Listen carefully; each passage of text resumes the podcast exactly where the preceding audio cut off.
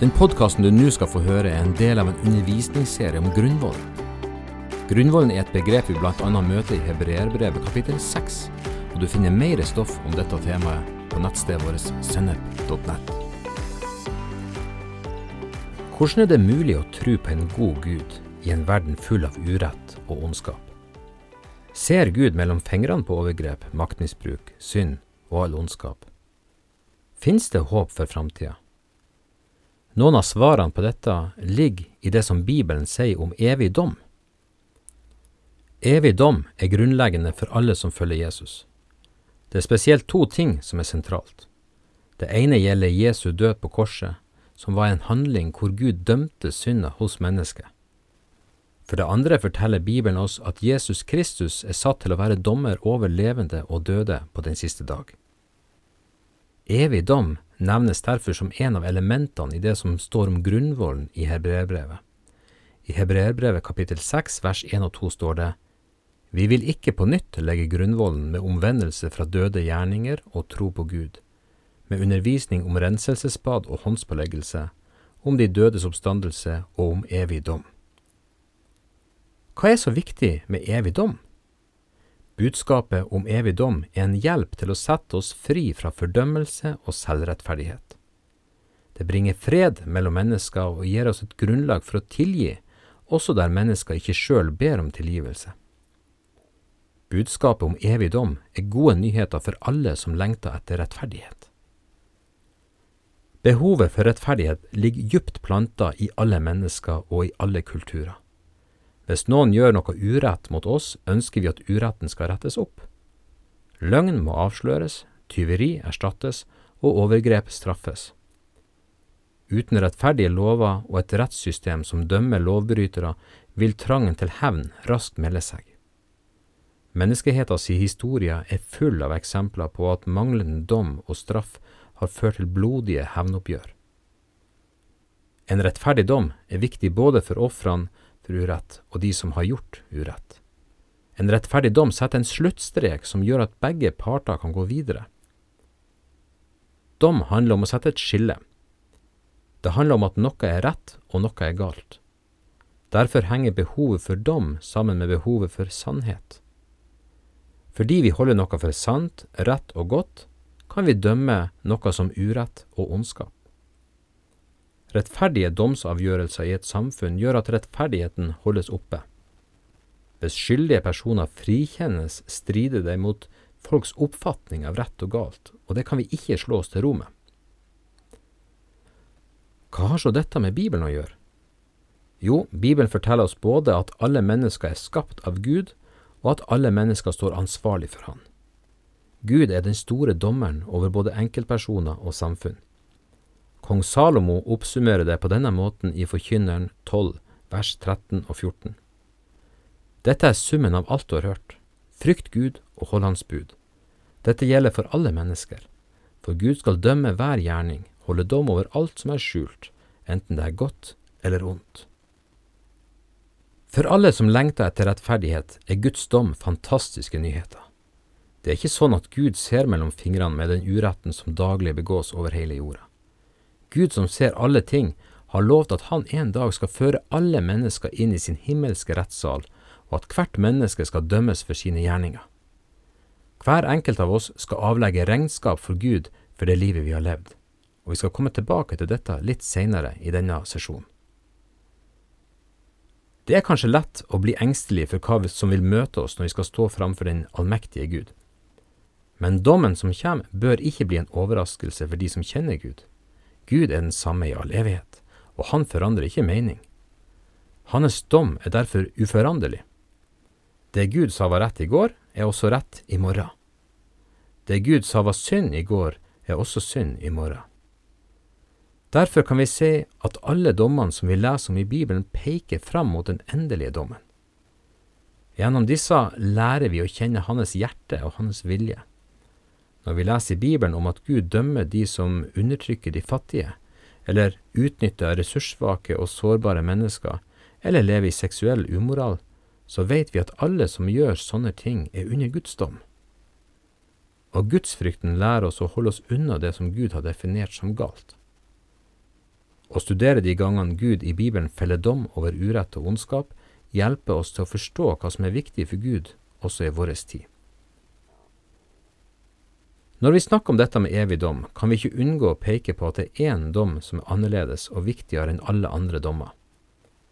Den viktigste dommen i verdenshistoria fant sted da Guds vrede over all verdens synd ramma Kristus på korset. Bibelen beskriver korsfestelsen som en domshandling. Jesus var Guds syndoffer, for å låne et begrep fra Moseloven, og korset var stedet hvor Gud holdt dom over synden i oss alle. Jesus forkynte sjøl at trua på Han tar vekk Guds vrede over synda som henger over oss. Ingen av oss har gode nok unnskyldninger til å bli frikjent uten Kristus. I Johannes 3, 36 står det, Den som tror på Sønnen har evig liv. Den som er ulydig mot Sønnen skal ikke se livet, men Guds vrede er og blir over ham. Jesu død på korset var Guds dom over våre synder. Jesus smakte døden for alle mennesker, som det står i hebreerbrevet. Han døde i våre sted. Vi fortjente død, men Jesus tok straffa. Siden straffa for våre synder ble sona på korset, er det ikke lenger noen straff igjen for oss. Når vi gir vårt liv til Jesus, er vi ikke lenger under Guds vrede. Framtida vår er ikke lenger evig død, men Gud gir oss i stedet evig liv som gave. Dette er det mest sentrale i å kjenne Jesus gjennom evig dom. Dommen over våre synder ble for all evighet sona på korset. Paulus forkynte dette i Antiokia, det leser vi i Apostlenes gjerninger kapittel 13 vers 38 39. Ved ham blir tilgivelse for syndene forkynt dere. Det Moseloven ikke kunne frikjenne dere for, det skal enhver som tror bli frikjent for på grunn av ham. Men evangeliet handler ikke bare om dommen som skjedde på Golgata. Bibelens vitnesbyrd er at Jesus har stått opp fra de døde, og en dag skal Jesus komme tilbake for å dømme verden. Når Paulus talte i Aten framfor grekerne, understreker han dette, noe vi kan lese i Apostlenes gjerninger kapittel 17 vers 31. For han, altså Gud, har fastsatt en dag da han skal dømme verden med rettferd, ved en mann han har utpekt til dette. Det har han bekreftet for alle mennesker ved å reise ham opp fra de døde. Ikke bare har Jesus sona straffa vår, men han er også utpekt av Gud til å være den som skal dømme verden. Han som er vår Herre, Frelser og Venn, er også dommeren vi møter på den siste dagen. Samtidig er også budskapet om evig dom en kraftig advarsel for alle som nekter å ta imot Guds nåde. Bibelens budskap om dommens dag forteller om et oppgjør med synd, som også innebærer straff for de som står Gud imot. På samme måte som Bibelen snakker om evig liv, taler den også om evig straff. Jesus sier i Johannesevangeliet kapittel 5 vers 26-29 at dommens dag vil være en dag med stor glede og stor sorg. Det står, For like som Faderen har liv i seg selv, har han også gitt Sønnen å ha liv i seg og han har gitt han myndighet til å holde dom fordi han er menneskesønnen. Dere må ikke undre dere over dette, for den time kommer da alle de som er i gravene skal høre hans røst. De skal komme fram, og de som har gjort det gode skal stå opp til livet, men de som har gjort det onde skal stå opp til dom. Paulus beskriver dommen over de som avviser evangeliet på denne måten, det kan vi lese i 2. Tessalonikerbrev kapittel 1, vers 8 til 9. Han, Jesus, kommer med flammende ild og fører straff over dem som ikke kjenner Gud, og som ikke er lydige mot vår Herre Jesu evangelium. Deres straff blir en evig fortapelse borte fra Herrens ansikt og fra Hans herlighet og makt. Det Bibelen sier om helvete eller evig fortapelse, er omstridt, spesielt fordi konsekvensene av livene og valgene våre blir så dramatisk. Det kobles til evigheter, evig fortapelse eller evig liv. Det er viktig å presisere at troa på at livet har to utganger, evig liv eller evig fortapelse, handler om å ta det Jesus sier om dette, på alvor. For eksempel sier Jesus i Matteus kapittel 10 vers 28, Vær ikke redde for dem som dreper kroppen, men ikke kan drepe sjelen. Frykt heller han som kan ødelegge både sjel og kropp i helvete. Forestillinga om helvete har levd et eget liv innenfor kunst og folketro i mange århundrer. Blant annet forestilling om at djevelen er sjefen i helvete. Dette har ingen støtte i Bibelen. Djevelen skal straffes i fortapelsen. Han er ikke noe avdelingsleder der. Bibelen gir oss et visst innblikk i fortapelsen, samtidig som det brukes bildespråk og metaforer som gjør det vanskelig å forestille seg fullt ut hvordan fortapelsen vil fortone seg. Men hovedbudskapet er ikke til å ta feil av. Gud vil dømme all urett og ondskap. Gud vil gjennomskue vår egenrettferdighet og dårlige unnskyldninger og bortforklaringer. Gud er fullkomment rettferdig, og vil dømme oss rettferdig. Gud er i stand til å se forbi ytre religiøsitet og dømme oss ut fra det vi er betrodd. Og Bibelen er tydelig på at ingen når opp til Guds standard. Evangeliet er derfor å søke Gud om forsoning og tilgivelse for det vi har gjort galt, og rydde opp i relasjonen til oss sjøl, andre mennesker og til skaperverket.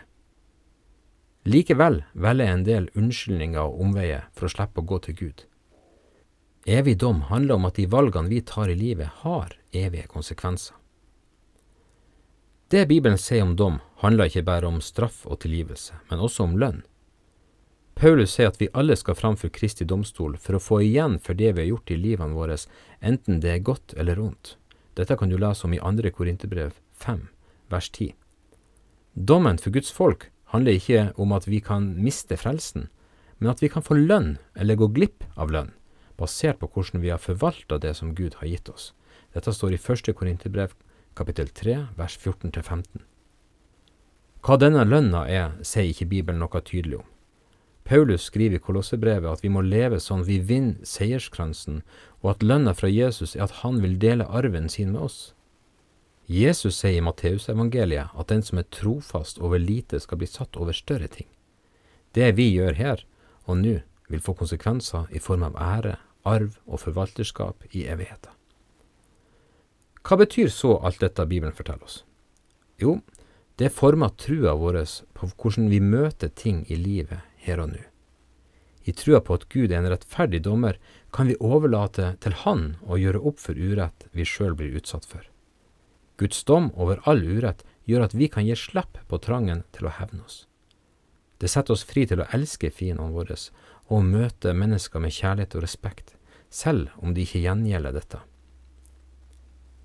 Kanskje har du opplevd at mennesker du stolte på, har såra deg. Du har forsøkt å ta det opp, men føler ikke at du blir hørt. Da kan du overlate dommen til Gud. Du kan tilgi og legge det bak i trygg visshet om at Gud vil ta seg av saken din. Kanskje har du en konflikt med en kristen søster eller bror dere ikke klarer å komme til bunns i. Da kan dere gå til Gud sammen, sette navn på det dere ikke har fått til å løse sjøl, og overlate dommen til Han. Vissheten om at Gud dømmer, gjør at dere begge kan legge ting bak og gå videre sammen. Vissheten om evig dom gjør at vi går inn i oss sjøl og ransaker vårt eget hjerte og våre egne motiver. Lever jeg rett i forhold til Gud, eller er det å bli likt av mennesker viktigere for meg? Lever jeg på minnene om alt det gode jeg gjorde for Gud for mange år siden, eller søker jeg Gud for de ferdiglagte gjerningene han har for meg i dag og fremover? Tør jeg å stå for det som er rett og sant, selv om jeg risikerer å bli upopulær eller mistolka? Avslutningsvis skal vi lese fra Romerbrevet kapittel 12, vers 18-21, som oppsummerer dette på en god måte. Hold fred med alle, om det er mulig, så langt det står til dere. Ta ikke hevn, mine venner, men overlat straffen til Gud, for det står skrevet, straffen hører meg til, jeg skal gjengjelde, sier Herren. Men det står også, er din uvenn sulten, så la han få mat. Er han tørst, så la han få drikke. Gjør du det, samler du glødende kull på hans hode. La deg ikke overvinne av det onde, men overvinn det onde med det gode.